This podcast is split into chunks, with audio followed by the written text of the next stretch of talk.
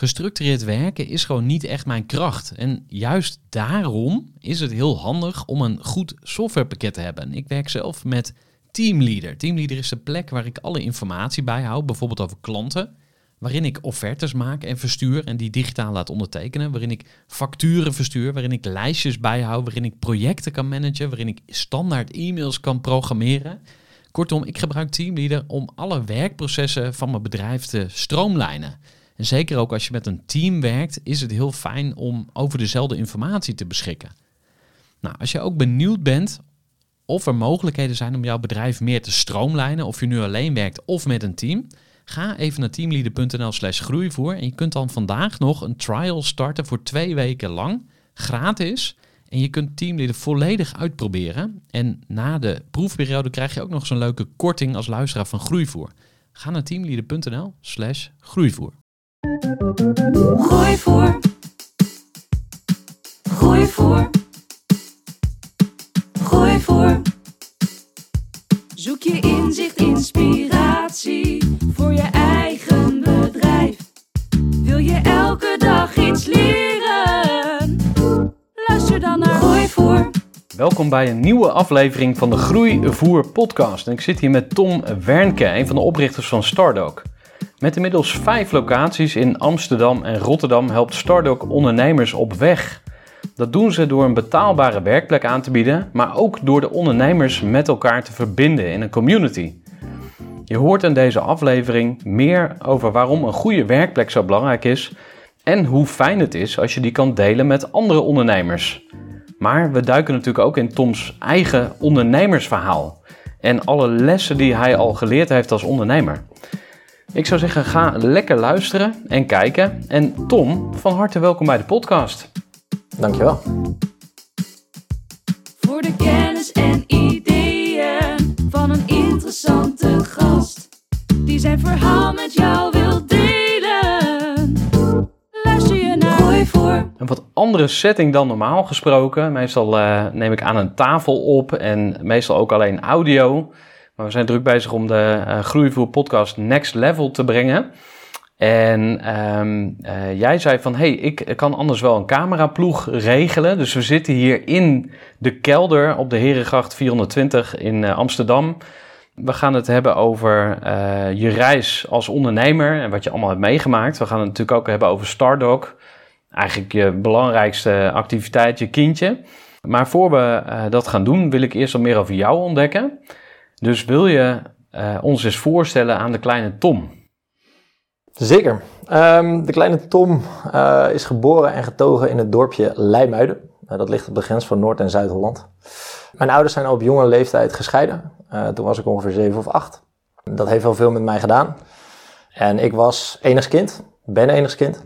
En vanaf jongs af aan, als, als enigskind, was ik altijd zelf op pad. Ging ik altijd zelf dingen ontdekken. Als ik met een van mijn ouders op vakantie ging, dan werd er altijd tegen mij gezegd: joh, ga maar vriendjes maken. Um, dus eigenlijk daardoor heb ik een vrij zelfstandige houding ontwikkeld. En, en ben ik eigenlijk geneigd altijd van jongs af aan om gewoon de wereld in te gaan. Dingen te gaan ondernemen, dingen te gaan ontdekken. Ja, dus dat denk ik dat ik dat vanuit mijn jeugd wel, uh, wel mee heb gekregen. Ja. Die, die houding. Je zei, dat heeft veel met me gedaan, die scheiding. Uh, is er iets wat je in positieve zin meeneemt en iets wat je negatief nog beïnvloedt? Ja, in, in, positieve zin dus ja, de, de zelfstandigheid. De, uh, ik denk dat ik er ook wel een duw van heb gekregen, waardoor ik zoiets heb veel. Ik ga de wereld laten zien dat het ook anders kan. Uh, ook in relatiezin heb ik die, die motivatie denk ik uh, daarmee gekregen. En in negatieve zin, ehm, ja, toch wel een stukje hechting en binding vanuit de jeugd, wat, daar, wat, ja, wat een beetje een knauw heeft gekregen. Ja. Ik zal er niet veel verder over doorvragen, maar ik, ik, ik vind het altijd wel interessant om het even uh, te bespreken. Ook omdat iemand zei een keer tegen me van ja, eigenlijk uh, alle ondernemers die groot geworden zijn, die hebben een bepaalde geldingsdrang. En als je dan daaronder gaat graven, dan zit daar altijd een trauma. En ja, trauma is misschien een zwaar woord. Ehm, heb je daar ook gesprekken over met bijvoorbeeld je compagnon of met andere ondernemers? Of, hoe, of, is, of is dat nog heel privé? Nee, helemaal niet privé eigenlijk. Ik krijg juist vaak te horen dat ik heel open ben over de dingen die in mijn privé gebeuren. Eh, soms misschien wel te open, ook naar collega's en dergelijke toe. Maar ik heb daarin voor mijn gevoel niet heel veel te verbergen, omdat ik het heb geleerd gaandeweg mijn leven dat het je, jezelf ook gewoon helpt ehm, als je je hart op tafel legt. Uh, zeker hierin, wat denk ik echt wel een traumatische gebeurtenis is, een scheiding. Dat heb ik heel lang een soort van in een, in een doofpot gestopt. Gedacht van, joh, als, als ik er, het er niet over heb, dan is het er niet. Uh, maar dat, die gedachte helpt me niet. Uh, dus op een gegeven moment, ook aan de hand van, van therapie, heb ik wel geleerd om, om dit bespreekbaar te maken. En geleerd om, ja, het is onderdeel van wie ik ben. Het is onderdeel van, van mijn geschiedenis. Het heeft me ook veel gebracht, in positieve zin wat je zegt. en zeker praat ik er ook met mijn compagnon over. Hm. Um, we, we, hebben elke week een één op eentje en het gaat bij ons eigenlijk 50% van de tijd gewoon over hoe gaat het nou eigenlijk met jou? Hoe gaat het met je als persoon? Hoe gaat het in je privé? Ben je nog aan het daten? Heb je een vriendin? Weet je wel, dat soort vragen zijn eigenlijk belangrijker voor ons. Um, want ja, het bedrijf aan zich, ja, de, de, de, de impact die wij maken in ons bedrijf is, is natuurlijk significant. Um, maar ja, dat vinden we 50% van onze tijd waard blijkbaar. Ja. Dat, het gaat echt voornamelijk over, over persoonlijk. Ja, mooi. U vertelde dat je vader ondernemer was, is. Uh, daar ben ik heel benieuwd naar. Want ik vraag ook altijd van, ja, wie, wie zijn je ouders? Wat heb je van ze meegekregen? Maar ik ben ook wel even benieuwd naar je moeder. Dus misschien wil je ze allebei ook even kort voorstellen en uh, vertellen wat je van ze hebt meegekregen. Ja, nou mijn moeder die is, uh, waar ik ben geboren in Leimuiden. Daar woont zij nog altijd, in datzelfde huis. mijn moeder heeft altijd bij Abbott, een farmaceut, gewerkt directiesecretaresse en doet dat nu nog steeds. En mijn moeder heeft een heel groot deel van de zorgtaak voor mij in mijn jeugd uh, opgenomen. Als ik haar mag geloven, was ik een, een relatief makkelijk kind. Um, maar ik heb vooral in mijn, of in mijn puberteit en studententijd denk ik uh, wel een wat wildere fase gehad. Um, Hoe zag dat uit? Kattenkwaad, waardoor ik dan weer bij bureau Halt zat. En dat waren, het waren hele onschuldige dingen, maar Dingen opblazen? Uh, graffiti. Dan wilden we, uh, hadden we bedacht van we gaan iets op de muur zetten. En dan doen we eerst Giro 555, want toen was er die overstroming in Azië. Als we dan gepakt worden, kunnen we in ieder geval zeggen, nou we hadden nog geen twee vijven op de muur staan. En toen kwam de politie en toen werden we gepakt. Ja, dat is een beetje onschuldige dingen. Ja, uh, dus daar heeft mijn moeder wel mee, maar voor de rest was dat stabiel. En mijn, en, mijn moeder is denk ik wat, die is heel tevreden en blij met wat ze heeft. En uh, daar kan ik heel veel van leren. Zij heeft me voor een groot deel opgevoed. Heel dankbaar voor. En dan mijn vader, nou, die is dan bij ons uit huis gegaan. Die heeft een, eh, nieuwe vrouw ontmoet. Daarmee ook een, uh, voor mij een halfbroertje en een half zusje uh, op de wereld gebracht. En mijn vader is dus lange tijd in loondienst geweest. En op een gegeven moment heeft hij gedacht van ik kan dit ook voor mezelf. In de facilitaire hoek heeft hij een bedrijf gebouwd. En ik denk wel dat ik daar de, ja, de prikkelingen van, van mee heb gekregen in mijn jeugd. Um, omdat ik het altijd rete interessant vond wat hij allemaal aan het doen was en hoe hij dat dan deed. En ja, stiekem die spiegel, die ja, heb ik gewoon wel meegenomen. Dus ik denk wel dat daar mijn ondernemersdrang vandaan is gekomen. Ja. ja. ja. En heb je contact met je vader over het ondernemerschap? Van, hé hey pa, ik loop hier tegenaan, jij hebt het ook gedaan. Hoe, zou jij, uh, hoe gaan die gesprekken? Ja, heel veel. Um, sowieso vind ik het heel leuk om over ondernemen te praten en, en vooral de uitdagingen die daarbij komen kijken. Uh, mijn manier van leren is ook gewoon mensen aan hun jasje trekken, uh, die, waarvan ik weet dat die al een keer die fout hebben gemaakt waar ik voor sta. En uh, ja, van mijn vader weet ik natuurlijk wel het een en ander uit zijn carrière vandaan. En, en ik kan hem altijd bellen over de, de struggles waar ik tegenaan loop. Ja, daar, we hebben het er heel veel over. Ja, dat, dat heeft ook de band wel versterkt tussen vader en zoon, denk ik, gaandeweg, gaandeweg mijn leven. Ja, ja. mooi.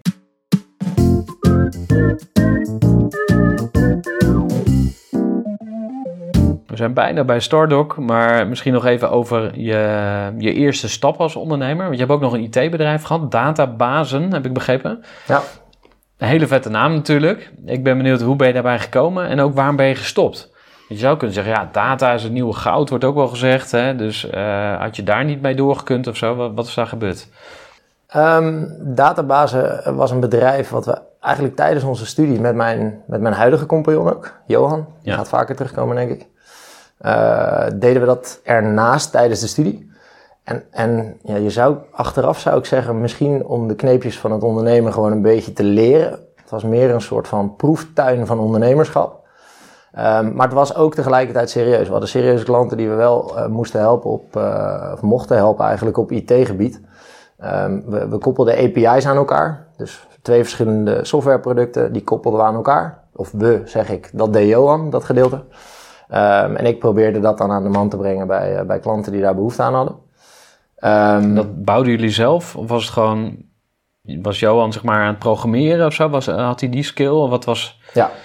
ja, Johan heeft een, een eh, achtergrond in, in IT. Eh, die is al ondernemer vanaf dat hij 13 is. Eh, bouwde altijd websites en digitale producten. En dat vond ik heel interessant tijdens mijn studie toen ik hem leerde kennen.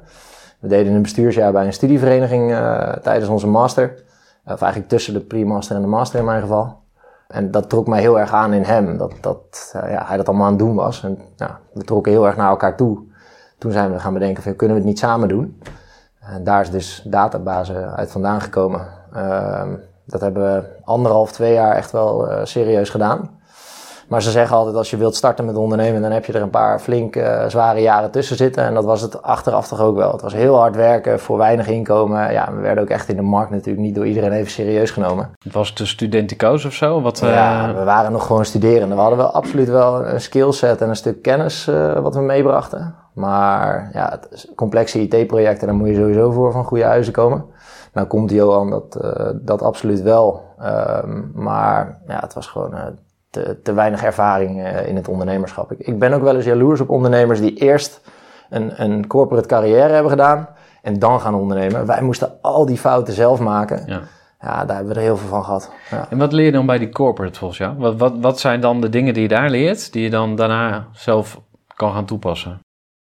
ja, hoe moet je werken, weet je wel? De, de, hoe deel je een werkdag in qua mail, agenda, afspraken, acquisitie, administratie? Eh, ja, zeker als ondernemer, waarin je eigenlijk gewoon ervan je verwacht wordt dat je alles kan, in een, to, to a certain extent. Ja, Eh, ja, dat is in het begin kan dat niet. Je, je, je denkt dat je alles kan. Of wij dachten dat we alles konden toen we in die studiebanken zaten. Maar dat, ja, dat, het waren mooie uitglijders die we toen hebben gemaakt. Waarin je er gewoon achter komt van ja, ik moet dit eigenlijk ook helemaal niet doen. Ik word er niet gelukkig van, ik kan het niet goed. Maar ja, je hebt ook niet de financiële middelen om anderen te betalen om het te doen. Dus het was ja, achteraf wel echt. eh, ik kijk er met veel nostalgie op terug op die eerste jaren. Want het is gewoon eh, leerzaam en, en leuk. ja. Is er één les die je nog steeds gebruikt? Of, eh? Het zijn er heel veel die ik nog steeds gebruik. Ehm, maar zeker probeer jezelf niet, probeer niet iets te gaan doen waarvan je denkt dat je het kan, maar eigenlijk ergens in je achterhoofd wel weet van joh, dit hoor ik niet te doen, want dit is niet mijn, dit is vanuit mijn intrinsieke ik niet hetgeen wat ik echt goed kan. Eh, zoek dan mensen om je heen die dat veel beter kunnen. Ja. Dat, eh, dat vooral. Veel geleerd in je eerste ondernemersstap. Eh, ik wou zeggen eindbazen, maar eh, databazen. En toen Stardog begonnen met vijf founders. Ik weet niet waar die drie ineens vandaan kwamen, maar dat kan je vast vertellen. Wil je ons eens meenemen in de founding story van Stardog? Ja, dus wij we studeerden destijds allemaal aan de, aan de VU in Amsterdam. Eh, en hadden alle vijf een bedrijf. Dus ik had samen met Johan een bedrijf, database. Dan had je Karsten en Jan Heijn, die hadden met elkaar een, een development- en designbureau. En dan had je Stefan, die had een eh, eh, online fashion platform, een webshop. Dus we hadden alle, het, hetgeen wat we deelden met elkaar was het ondernemerschap. En het gebrek aan heel veel expertises die we zelf niet hadden. En dat herkenden we nog niet helemaal, maar we erkenden het wel op een bepaald niveau. Dus we, we zochten elkaar heel vaak op van, joh, jij doet dit, kan je mij daarbij helpen? Dan help ik jou. Dus er was een soort van reciprociteit met z'n vijven, waarvan we op een gegeven moment tegen elkaar zeiden van, joh, wat nou als we meer mensen erbij halen die heel veel andere soorten kennis en kunde hebben die wij helemaal niet hebben. Eh, een boekhouder voor je financiën of iemand die verstand heeft van juridische zaken of nou, foto, foto- en video skills. Weet je, wel. Je, je hebt zoveel nodig om een bedrijf echt naar, naar hoog niveau te krijgen. Dus dat was eigenlijk het basisidee van Stardock. Van joh, laten we gewoon ergens een plek zoeken waar we al die ondernemers en al die expertises kunnen verzamelen. Waardoor je kenniskunde en netwerk bij elkaar in een pand zet. Eerst zijn we de ondernemers gaan benaderen. Dus we hebben heel veel ondernemers ge, gepolst van... Joh, wij hebben dit idee. We willen graag op de grachtengordel van Amsterdam willen we zoiets gaan doen. In een klassiek monumentaal gebouw. En dan met zoveel mogelijk verschillende experts. Zou jij dat tof vinden? Nou, er waren heel veel die enthousiast waren. Veel, ja, vet, weet je wel. Ik wil daarbij zijn. Ehm, toen hebben we intentieverklaringen uitgeprint. Die hebben we aan die ondernemers voorgeschoteld. Veel teken hier. En met die intentieverklaringen zijn we, zijn we richting eh, mensen met geld gegaan. Van joh, wil jij dit idee financieren? Want ja, als je zo'n pand wilt aanhuren, dan moet je, het moet allemaal verbouwd worden. Je moet borg betaald worden. Je moet, ja, je moet serieus geld meebrengen. Dus de, Hoeveel ja, hadden jullie er ongeveer nodig? Weet je dat nog? in het begin was het of zo? 75.000 euro. Ja. Dat was een half pand wat we toen huurden. Ja.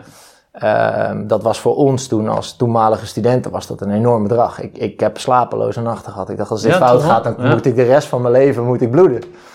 Eh, ja, en dat jaren later in perspectief valt het mee. Maar op dat moment voelde dat als het, eh, een enorm bedrag. Ja, en die geldschieters, kan je daar iets meer over vertellen? Er zijn natuurlijk heel veel manieren om geld op te halen, maar jullie kozen meteen voor inf- informal investors of zo, of waar moet ik aan denken? Ja, en tot op de dag van vandaag eh, is dat eigenlijk de, de route die we, die we bewandelen. Dus er is gemiddeld voor een pand. Dus we zijn begonnen met een half pand. Dat heeft zich later uitgebreid tot het hele pand hier op de Herengracht. En daarna hebben we nog een, een, een vloer eh, in het pand hiernaast erbij geopend. Gemiddeld, als wij een pand openen, zit het ergens tussen de 3 en de 7 ton wat we nodig hebben om dat eh, op te starten. Eh, dus dat is wel, ja, is elke keer weer een flinke stap. Maar dat kun je met informal investors nog wel bij elkaar krijgen. En we kijken dan eigenlijk voornamelijk van, joh, in, op die plek, in die stad, ehm, ja, wat voor type mensen kunnen we daarbij betrekken? Eh, en dat zijn inmiddels, ik meen, acht verschillende informal investors, mensen met ervaring in de corporate eh, wereld. Eh, dus die C-level posities, dus eh, directeuren zeg maar van, van grote corporates, hebben bekleed. Ehm, maar ook ondernemers. En één daarvan is mijn eigen vader. Ja. En dat is denk ik wel een leuke link met het begin van het verhaal. Dus die is en mede-investeerder, maar ook eh, ja, vader en geïnteresseerde in hoe het eh, met mij gaat als ondernemer. Ja, ook een soort mentorrol dan ook nog, of is dat dan weer? Ja, zeker. Ja, alleen Ja. naar jou of ook naar Johan? Of? Nee, ik denk, nou ja, wij gebruiken sowieso al onze investeerders, eh, maar we hebben er ook een pool van een soort van adviseurs omheen hangen. En, en die we erkennen en dat zij ook veel meer kennis en kunde hebben op veel vlakken dan dat wij hebben tot de dag van vandaag. Eh, natuurlijk leer je gaandeweg je ondernemerschap, maar we zijn pas zeven jaar bezig eh, sinds we uit onze studiebanken vandaan komen. En, en dus luister ik altijd graag naar of het nou mijn vader is, die op bepaalde vlakken hele, hele goede eh, kennis en kunde in huis heeft. Maar we hebben ook een aantal investeerders die uit hele andere hoeken vandaan komen. Eentje komt uit de verzekeringssector bijvoorbeeld. Ja, die heeft dan weer hele andere perspectieven. Ontzettend nuttig voor de, de groei van ons bedrijf eh, tot op de dag van vandaag. En bij elke nieuwe stap die we weer nemen. Dus we hebben eh, afgelopen jaar hebben we een concurrent eh, overgenomen. Ja, een mega spannende stap. Ja, daar hebben ze allemaal wel weer bepaalde vaatjes waar we qua, qua ervaring uit kunnen tappen. En dat helpt gewoon voor ons. Wil je dat vertellen? Wa- wa- Wat voor partij heb je overgenomen? En, Ja, het, was, het ontstond eigenlijk een beetje doordat we moeite hadden om zelf te groeien. Eh, dus zelf nieuwe locaties te vinden. Ja, ehm, iedereen zit hier natuurlijk op diezelfde panden te, te hunten, zeg maar. Exact. En wij, wij, zoeken, wij zoeken naar een bepaald stukje vastgoed wat inderdaad gewild is. Dus we hebben nu vier locaties in centrum Amsterdam. Allemaal klassiek monumentale gebouwen op eigenlijk triple A-locaties. En eigenlijk willen we ook nog niet te veel betalen. Dus, en die combinatie is een soort speld in een hooiberg. Eh, datzelfde hebben we in Rotterdam. Daar zitten we ook in een klassiek monumentaal gebouw. Ja, dat, dat zijn lastige panden om te vinden. En de markt is de afgelopen jaren, de economie heeft toch wel in een lift gezeten. Ehm coronacrisis was, gaf hem een, een- even een dip of een stabiliteit. Ehm, maar daarna is het wel weer doorgegroeid. En je ziet dat zeker het, het stadscentrum van de, de grote steden in Nederland zit in principe gewoon vol of op slot. Dus is daar lastig tussen te komen. Dus dachten wij van ja, wat zijn nog andere mogelijkheden om ons concept te groeien dan zelf locaties te openen? En toen bedachten we ineens, we kunnen ook eens gewoon deze vraag bij concurrenten gaan vragen, die we, eh, die we eigenlijk al kennen vanaf de start van ons bedrijf. Hoe kijken jullie naar jullie groei? En zijn er niet manieren waarop we kunnen samenwerken of dat samen kunnen doen? En zo kwam ik bij eh, eh, Wheelhouse terecht. Zij zijn een coworking space ook in Amsterdam. Huisvesten voornamelijk eh, ondernemers uit de creatieve sector. En gezamenlijk hebben we toen gekeken van, wat, eh, wat wil jij, wat willen wij? Nou, hij bleek iets andere eh, wensen nog te hebben voor zijn toekomst. Dus die zei van, joh, ik ben wel bereid om te praten over echt een overname.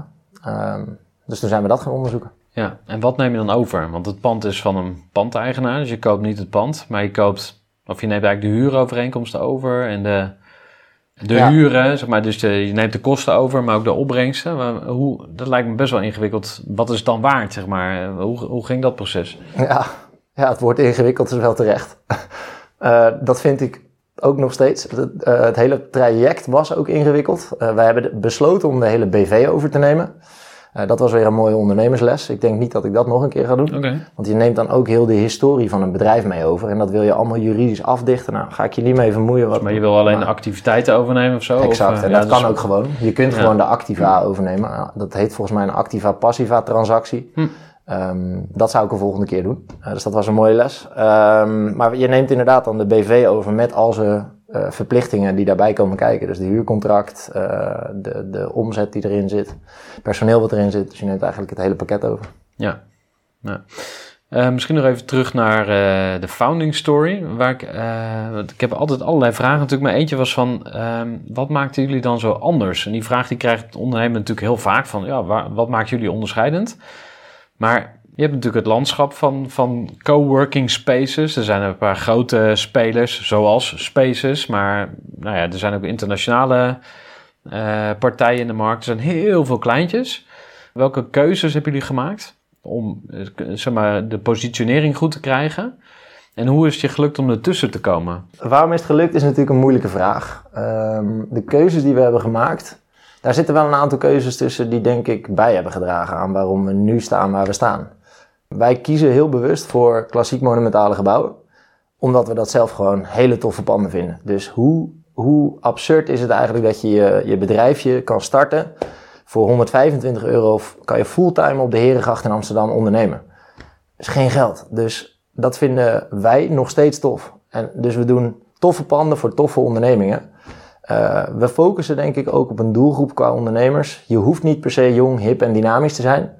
Maar het is wel een doelgroep die wij graag zien. Want die hebben toffe verhalen, die doen hele lijpe dingen. Die komen bij incubatorprogramma's, die komen in de pers. Die, die, dat, daar leeft wat. En eh, die combinatie van die twee. En, en eigenlijk ons vak is om van die groep mensen niet los te laten zijn, maar er een groep van te maken. Dat noemen wij dan een community. Maar dat begint een beetje een buzzword te worden inmiddels. Maar da- daar is onze passie wel echt ontstaan. Wij, zijn helemaal geen vastgoed cowboys, dat kunnen we helemaal niet. Eh, dat is een soort van noodzakelijk kwaad wat we erbij doen. Waar wij goed in zijn, is ondernemers snappen. Van, wie ben je, wat zoek je eh, en hoe kunnen wij jou helpen in je ondernemerspad?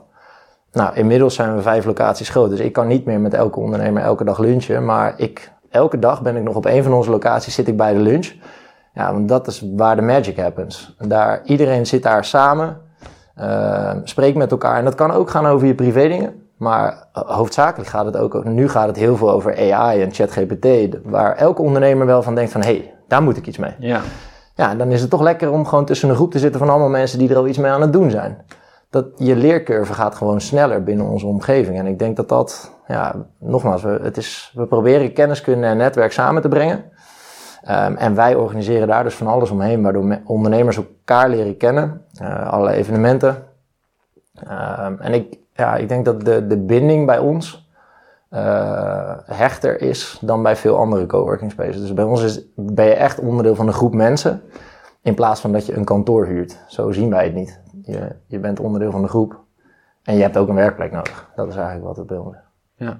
Even een korte onderbreking met een belangrijke vraag aan jou. Want wat heb jij geregeld voor het geval je van de ene op de andere dag zou komen uit te vallen? Wat gebeurt er dan met je bedrijf, maar vooral wat gebeurt er met jou persoonlijk en ook in financieel opzicht? Samen met ASR voerde ik drie openhartige gesprekken over tegenslag en veerkracht. En dat deed ik met Saskia, Vincent en Pieter. Ondernemers met een bloeiend bedrijf die van de ene op de andere dag niet meer konden werken. En die verhalen hoor je in aflevering 256, 257 en 258 van deze podcast. Als ondernemer wil je natuurlijk niet uitvallen. En daarom is het belangrijk dat je veerkrachtig bent, want voorkomen is beter dan genezen.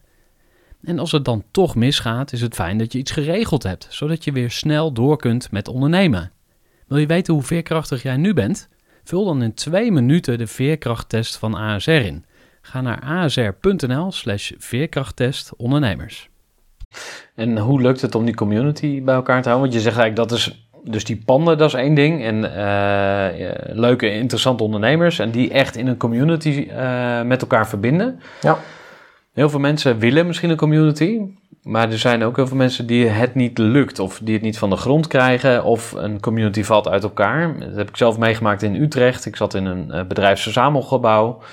Wij waren de allereerste huurder. Toen kwam er nog een huurder bij. En nog een en nog een en nog een. En in het begin, de eerste tien, die groeten elkaar allemaal nog. Bij nummer 11 verwaterde dat al een beetje. Dus je wist niet meer precies, ja, zit hij nou hier of is het gewoon een bezoeker? Maar ook de borrels werden minder bezorgd. Uh, het kerstdiner werd geskipt, zeg maar. Dus het kan heel snel bergafwaarts gaan op het moment dat het gaat groeien. Dus hoe pakken jullie dat dan aan? Nou, bij ons de allerbelangrijkste rol qua collega's die wij in ons bedrijf hebben, is de community manager. Um, dat is de persoon die uh, dit tot leven moet brengen en, en tot leven moet houden. En het kan ook inderdaad door omstandigheden dat, er, uh, dat een communitygevoel inklapt. En wat gebeurt er dan bijvoorbeeld? Corona komt ineens langs ja. Okay, ja, ja, ja. Maar niet van, dat, er zit een toxic persoon in de community ja, en ze ook. lopen bij elkaar weg of... Uh... Ja, dat heb ik, heb ik ook gezien. Dus, dus we hebben een aantal voorbeelden gezien waardoor een community in kan storten. Dus één is, uh, als er bijvoorbeeld, ik noem even, stel je hebt een community van freelancers en er komt ineens een bedrijf met tien man bij zitten dan hebben al die freelancers zoiets van, hey, jij bent anders, jij hoort hier niet. Um, dus dat, die gaan elkaar een beetje afstoten en dan krijg je dus dat de community al uit, uit elkaar valt. Dan worden de freelancers een community en dat bedrijf wordt een community. Wij hebben veel te maken met bedrijven, dus teams van een man of vier tot 15, 20 zeg maar. En daar moeten we dan die, die community van maken. Ja, dat is echt wel een, een, een lastige, lastige opgave. Ja, en dan is het dus goed begrijpen wat willen die community members, wat willen ze.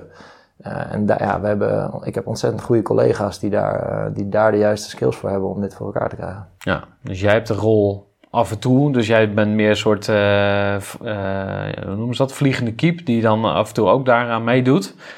Maar je hebt ook mensen in dienst die ook de rol community manager hebben. Dat kost geld. Je zei ook van, we hebben hele mooie panden, maar tegen een hele lage prijs. En dan moet je ook nog eens een community uh, manager in dienst hebben. Die kost ook, uh, weet ik veel, 35 of 50k per jaar.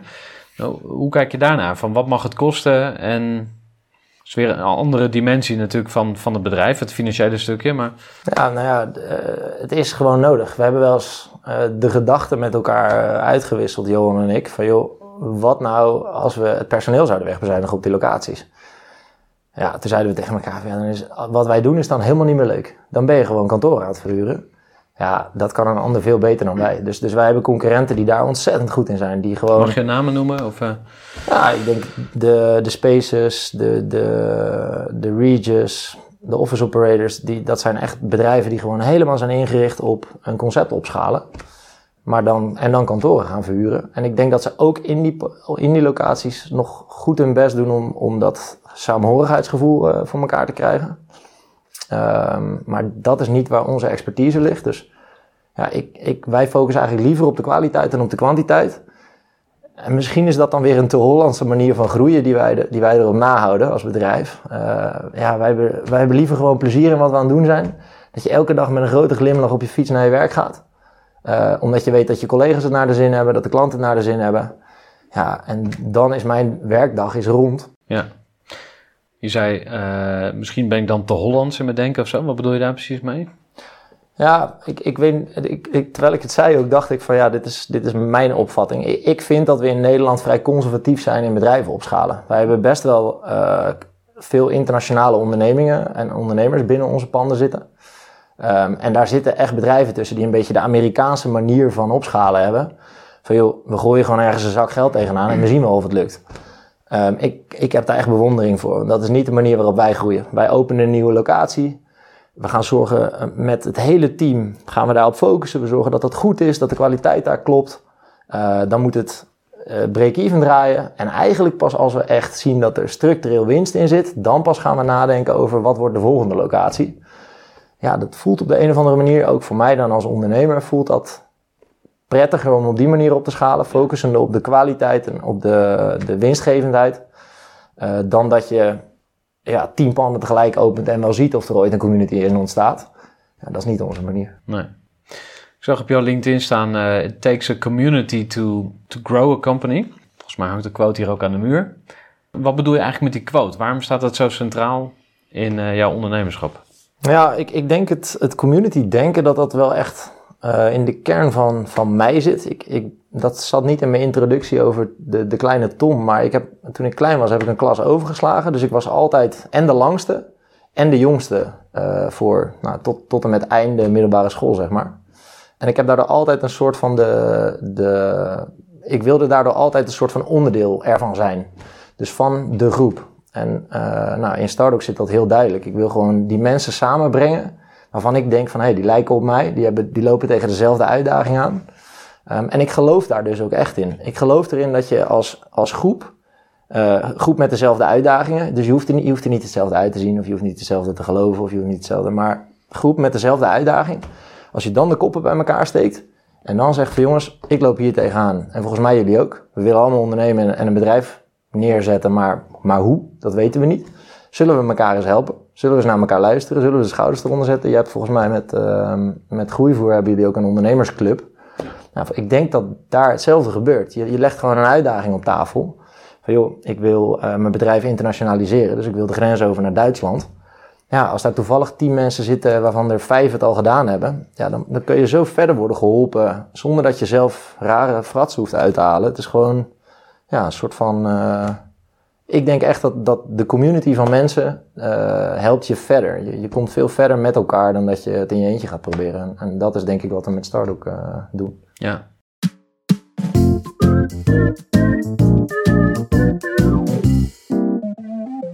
We hebben het nog niet gehad over een uh, mogelijk geldverslindend project. wat misschien wel ook uit jouw koken komt. maar jullie zijn ook een B Corp kan je eens vertellen, hoe, hoe is dat balletje aan het rollen gekomen? En ja, waarom hebben jullie ervoor gekozen? Maar misschien even starten met wat, wat is het eigenlijk voor de mensen die dat nog steeds niet weten? Ja, B Corp zijn, uh, het is een, een, um, een bedrijfsvorm uit Amerika. Uh, dus in Nederland kennen we de eenmanszaak, de BV, de NV. In Amerika heb je dan ook een B Corp. Uh, dat noemen ze daar volgens mij een social enterprise.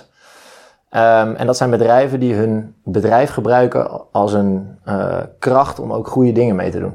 Dus je kan natuurlijk een bedrijf gebruiken, en dan noem ik graag een, een uh, bedrijf als Shell als voorbeeld, die ja, de aarde uitputten om vervolgens hun eigen broekzakken te vullen, even kort door de bocht genomen. Um, maar je hebt ook bedrijven die zeggen: nee, we moeten juist onze organisatievorm gebruiken om de aarde uh, de juiste kant te krijgen, of het milieu, of de mensheid. Of, nou ja, goede, goede voorbeelden zijn denk ik de bedrijven nu die, die werken met uh, mensen met een afstand tot de arbeidsmarkt. Of, um, dan doe je echt als bedrijf ook iets goed. Je vervult ook je sociaal-maatschappelijke rol.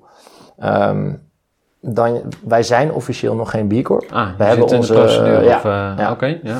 We, we, hebben nu onze certificering ingediend en we worden nu dus gereviewd door B-Lab. Um, en ik hoop dan dat we Q3, Q4 van dit jaar, dat we de certificering ook uh, daadwerkelijk gaan krijgen. Ja. Um, en, en B Corp focust zich eigenlijk op vijf thema's, waarop jouw bedrijf dus volledig wordt doorgelicht en waar je dus ook verbeterslagen in moet gaan maken. Um, dus mensen denken altijd alleen maar dat het gaat om het stukje duurzaamheid en het stukje uh, sustainability. Maar ze focussen ook op hoe ga je met je klanten om en, en welke klanten accepteer je wel en niet. Dus doe je alleen maar zaken met mensen die uh, in de wapenhandel of in de gok, gokkerij zitten. Ja, dat is niet helemaal de bedoeling. Um, dus ook een stukje klanten, een stukje collega's. Hoe ben je voor, als bedrijf voor je collega's? Um, krijgen ze voldoende betaald? Wat is de, het gat tussen de, de, de hoogste en de laagste in ja, het bedrijf dus bijvoorbeeld? De CEO verdient 28 keer meer dan uh, een accountmanager of zo. Dat wordt niet uh, uh, nee, door, door nee, dus dat soort dingen, dat, daar focussen ze ook op. Ja. Um, dan heb je een stukje governance. Van, joh, leg je ook vast in je juridische stukken wat je als bedrijf doet. En dan heb je het stukje community. Dus hoe ben je als bedrijf bezig met de wereld om je heen? En dat vonden wij wel heel tof aan B. We, hadden op een gegeven moment een punt waarin we zeiden, uh, wij doen als bedrijf veel goed, denken we. Omdat wij ons echt richten op die klanten, op die ondernemers. Van, hoe kunnen wij die ondernemers nou verder helpen? Dus zeg maar op het stukje social impact vonden we dat we, dat we lekker gingen. Um, maar we waren ons er wel van bewust dat we op het stukje van environmental impact, dat we daar niet heel veel focus op hadden. En ik denk ook voor onze collega's kon, kon het wel beter. Dus omdat B Corp dat allemaal omvatte, hadden wij zoiets van ja, dat is wel echt een tof label waarin je ook je klanten en je collega's weer kunt inspireren van jongens, we gaan, we gaan zorgen dat wij als bedrijf weer voorop lopen.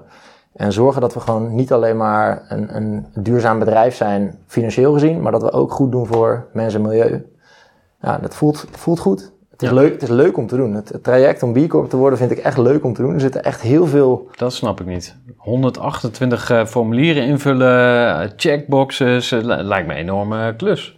Het, dat stukje ervan is misschien niet het meest inspirerende, maar je wordt heel sterk aan het denken gezet van ja, wat doe ik nou eigenlijk als bedrijf en wat doe ik nou eigenlijk als ondernemer? En, en waarom heb ik niet een policy voor vrouwen, in ons geval bijvoorbeeld, waarom hebben we niet een policy voor vrouwen die eh, borstvoeding moeten, eh, eh, moeten geven, weet je wel?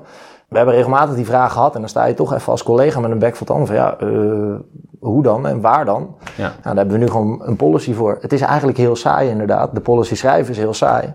De oplossing kunnen bieden aan je klant, zodat hij beter geholpen is. Dat is leuk. Ja.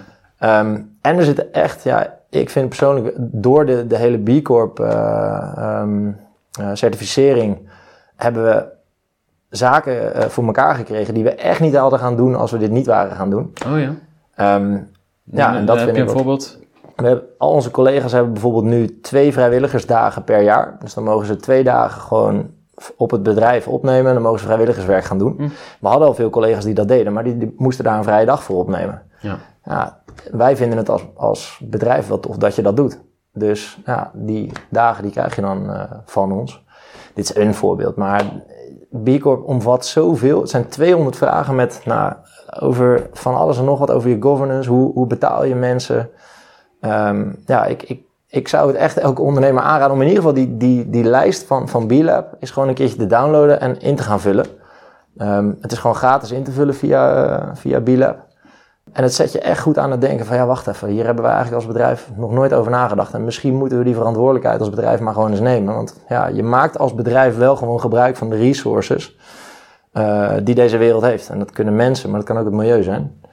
Ehm, nou, dan, eh, En Johan ging meteen akkoord? Of ze- eh, zei hij, wat kost dat? Of hoe, hoe, hoe ging dat tussen jullie? Nou, het- natuurlijk is ook de financiële vraag er wel bijgekomen. Maar ja, ik, ik geloof dat dit een investering is in de Want toekomst. wat kost het? Ehm, ik denk dat het ons tot nu toe eh 20.000 euro heeft gekost. Aan uren dan of zo? Of? Als ik de uren erbij tel, dan meer. Ehm, maar 20.000 euro in kosten die je moet maken om dingen te veranderen. Mhm. Ehm, de inschrijving zelf kost natuurlijk ook geld bij Bilab. Maar ik geloof dat een, uiteindelijk moet elk bedrijf eh, deze, deze verantwoordelijkheid gaan nemen. De, de, de wetgeving wordt nu dusdanig ingericht eh, dat de, groot, de, de corporates die moeten al gaan voldoen aan bepaalde duurzaamheidsstandaarden. Dus bijvoorbeeld het, het- je eigen CO2 moet je in kaart kunnen brengen en kunnen rapporteren. Ehm, er worden bij de grote accountantskantoren nu hele afdelingen ingericht om corporate accounting te kunnen doen. Dus eh, carbon accounting heet dat geloof ik. Ja, dat, die, dat, dat zakt vanzelf door naar het MKB en naar de kleine bedrijven. Waardoor je ook straks als klein bedrijf wordt geacht om te kunnen vertellen van hoe presteer ik niet alleen financieel, maar hoe presteer ik ook op mijn CO2? Of nou, ik weet niet waar we heen gaan, maar ja, ik ben dan liever, wij zijn dan liever dat voor. Dat we het nu alvast gaan doen, dat we het in kaart hebben. Ehm, en al onze panden zijn we nu aan het volhangen met sensoren, met alles automatiseren. Dus dat je niet meer je lampen aan en uitzet. Je, de, de radiatoren allemaal slim maken. Eh, wij kunnen echt wel een verschil maken in onze panden, omdat het zijn klassiek monumentale gebouwen. Die zijn niet heel, zu heel zuinig. Eh, dus daar kunnen we echt wel een verschil maken, eh, denk ik. Ja. Zullen we even een korte break pakken en ehm, even een rondje lopen door het pand? Leuk, gaan we doen.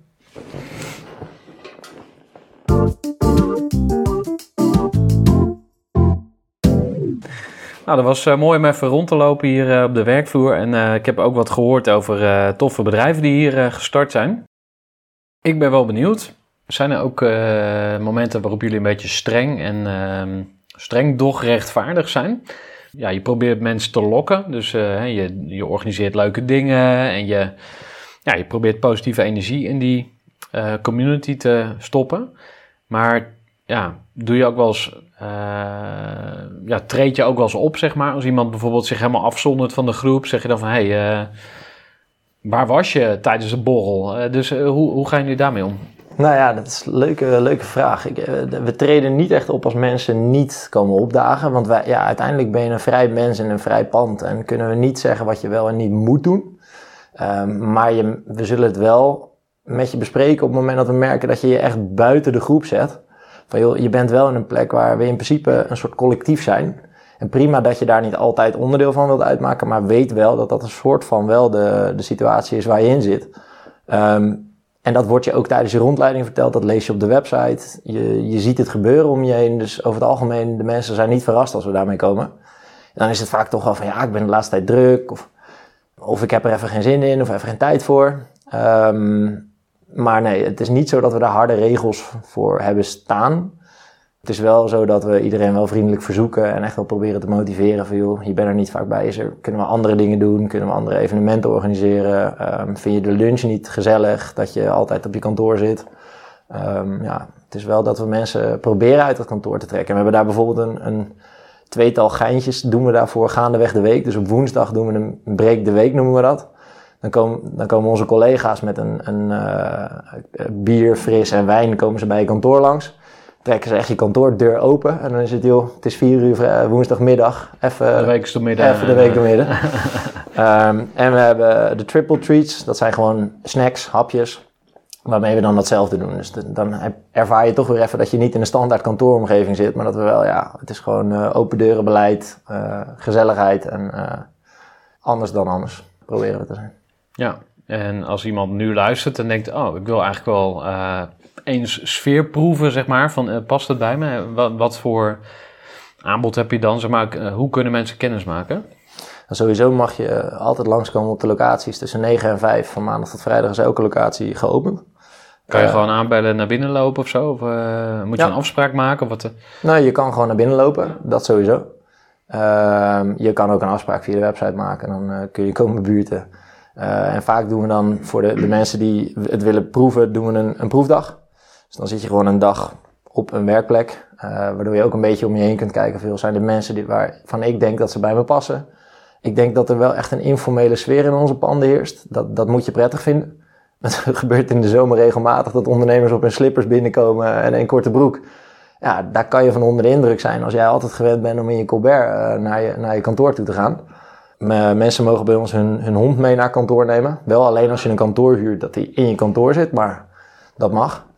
Uh, en je mag op je slippers komen. Het maakt ons echt niet uit hoe je komt. Uh, ja, dat uh, informeel. Grappig, ja. We gaan een klein beetje richting afronding. Omdat natuurlijk de podcast geen twee of drie uur mag duren. Zoals bij bijvoorbeeld Tim Ferriss. Maar ik wil toch nog even met je hebben over ondernemerschap. En een van mijn vragen aan jou is: wat is volgens jou een goede ondernemer? Dat vind ik een uh, vraag die je niet eenduidig kan beantwoorden, omdat ik denk dat dat wel echt te maken heeft met de sector waar je in opereert. Bijvoorbeeld zie je, zie je nu natuurlijk heel veel uh, in de techhoek, zie je veel bedrijven opstaan en groeien. Ik zou in die hoek denk ik niet een succesvol bedrijf kunnen neerzetten, omdat ik daar niet de skills en de vaardigheden voor in huis heb. Ik denk dat ik gasvrijheid en dienstverlening enigszins begrijp. Uh, ik vind het leuk om met ondernemers te werken of voor ondernemers te werken. Um, en mijn type ondernemerschap past daar. Ja. Um, dus dat is eigenlijk een grote disclaimer, zeg maar. Van het ligt er heel erg aan in welke branche je uh, onderneemt. Ja, dat denk ik wel. Ja. En uh, zijn er dan ingrediënten uh, waarvan je denkt van... Hey, dat, dat moet je in huis hebben als je een ja. bedrijf wil gaan starten? Wat, wat moet ja. je dan meebrengen naar de tafel? Ik denk dat je altijd nieuwsgierig en, en leergierig moet zijn als ondernemer. Uh, want de wereld verandert en die verandert snel. En je moet altijd vooraan staan, vind ik, als ondernemer, om te kunnen snappen wat gebeurt er in de wereld en wat heeft dat voor impact op mij of op mijn bedrijf of op ons. En ja, ik, ik zie, verder zie ik ondernemers die heel uh, bot zijn en gewoon zeggen van, ik heb een doel en daar gaan we heen. En ik zie veel ondernemers die juist heel open, warm en begripvol hun bedrijf neerzetten. En ik denk dat dat allebei wel kan. Ik denk een andere uh, kwaliteit die je als ondernemer moet hebben is uh, ver die verandering vervolgens willen toepassen binnen je bedrijf. Je kan er ook niks mee doen namelijk. Dan steek je dan je kop in het zand of, of hoe... Uh, ja.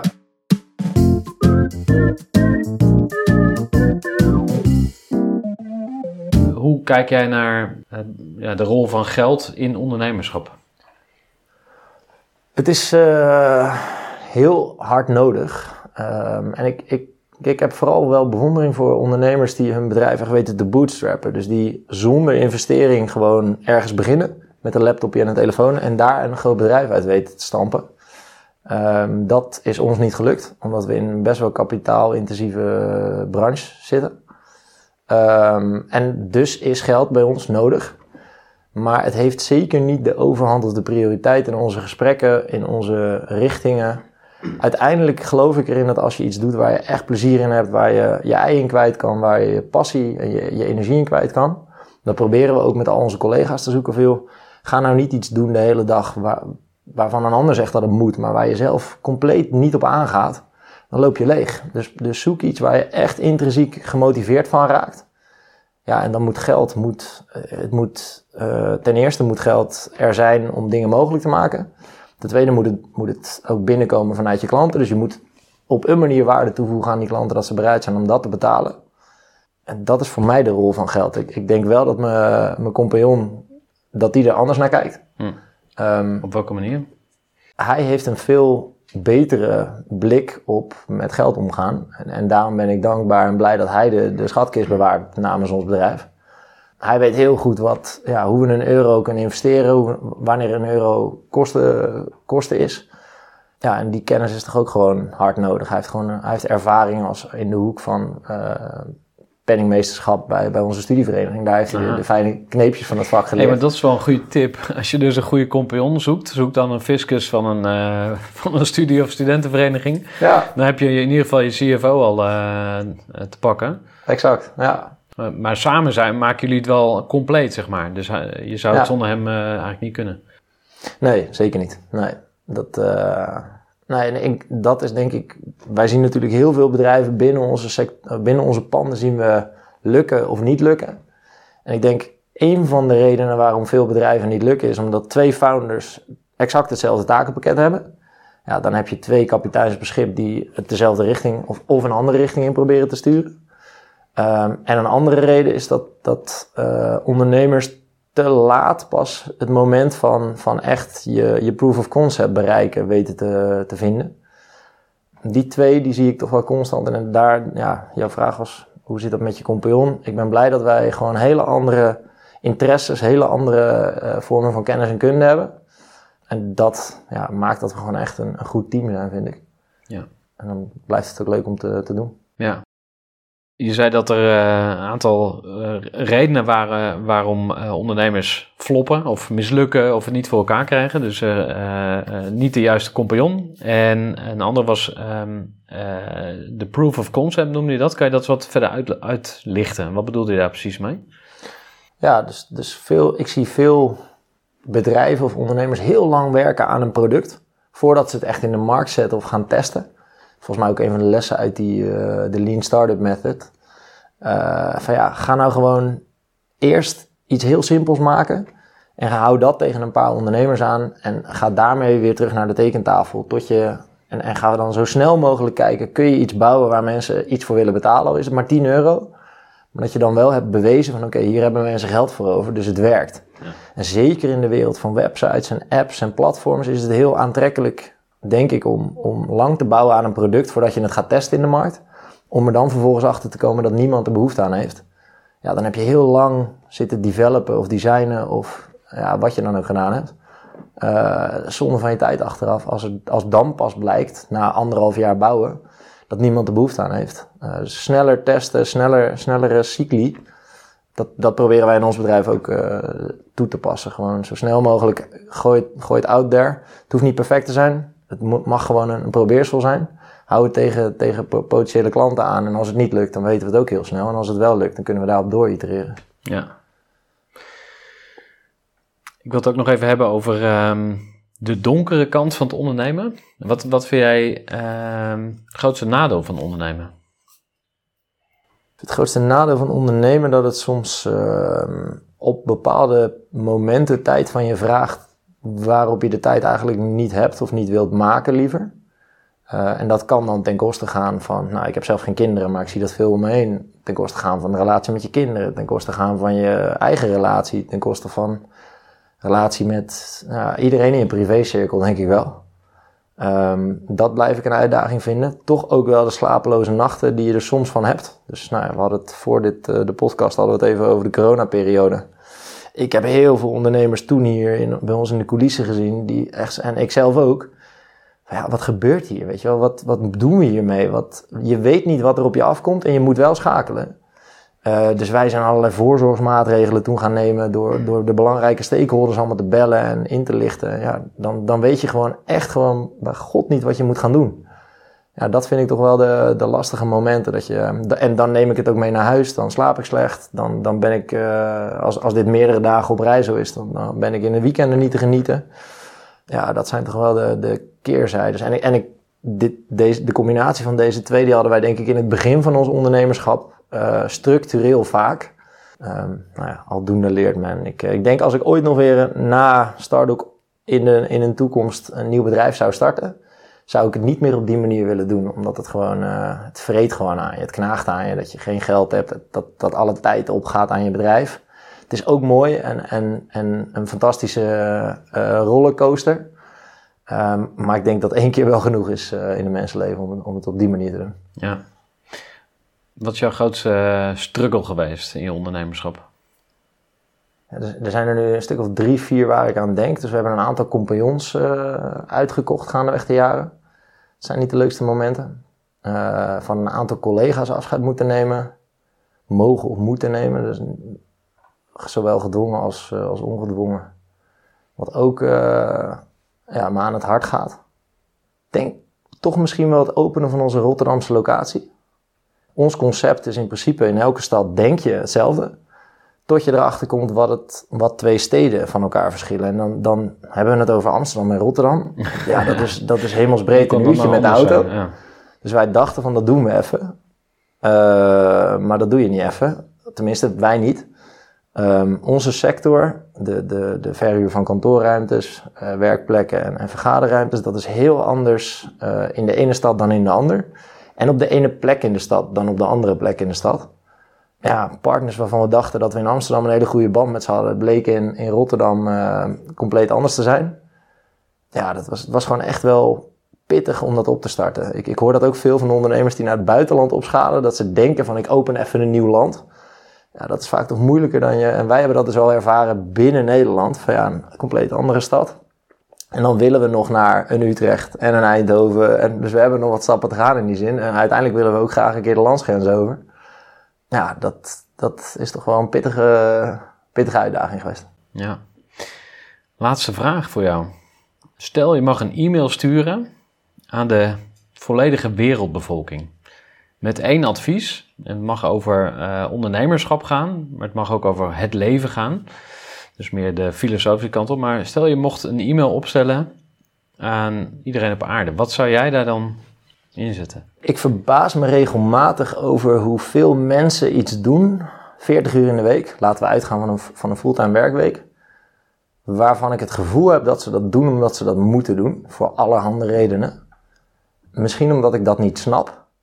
Maar ik, ik gun die mensen een, een veel mooier leven dan 40 uur jezelf naar werk slepen en weer naar huis gaan. Ik denk dat we zeker in de meer ontwikkelde landen, en, en misschien zou ik die mail dan niet naar de hele wereldbevolking sturen, maar wel naar de landen waar ook de kansen hiertoe uh, uh, er zijn. Ja, ik zou iedereen gewoon een, een 40-urige week gunnen waarin je gewoon dingen kan, mag doen waar, je ook, waar ook je hart sneller van gaat kloppen. En niet alleen maar dingen omdat je dat moet doen, maar ook omdat je het leuk vindt om te doen. En, en misschien hebben wij dat voorrecht als ondernemer wat meer dat je die keuze hebt. Maar toch denk ik dat iedereen met een in loondienst dat, dat ook moet kunnen. Dus dat zou ik in de mail hebben. Ja, mooi. Dankjewel Tom. Alsjeblieft. Jij dank, uh, dank voor dit mooie gesprek. Jij bedankt. Lekker bezig. Gooi voor. Gestructureerd werken is gewoon niet echt mijn kracht. En juist daarom is het heel handig om een goed softwarepakket te hebben. Ik werk zelf met Teamleader. Teamleader is de plek waar ik alle informatie bijhoud, bijvoorbeeld over klanten. Waarin ik offertes maak en verstuur en die digitaal laat ondertekenen. Waarin ik facturen verstuur, waarin ik lijstjes bijhoud, waarin ik projecten kan managen, waarin ik standaard e-mails kan programmeren. Kortom, ik gebruik Teamleader om alle werkprocessen van mijn bedrijf te stroomlijnen. En zeker ook als je met een team werkt, is het heel fijn om over dezelfde informatie te beschikken. Nou, als je ook benieuwd bent of er mogelijkheden zijn om jouw bedrijf meer te stroomlijnen, of je nu alleen werkt of met een team, ga even naar teamleader.nl slash groeivoer en je kunt dan vandaag nog een trial starten voor twee weken lang, gratis. En je kunt Teamleader volledig uitproberen. En na de proefperiode krijg je ook nog zo'n leuke korting als luisteraar van Groeivoer. Ga naar teamleader.nl slash groeivoer.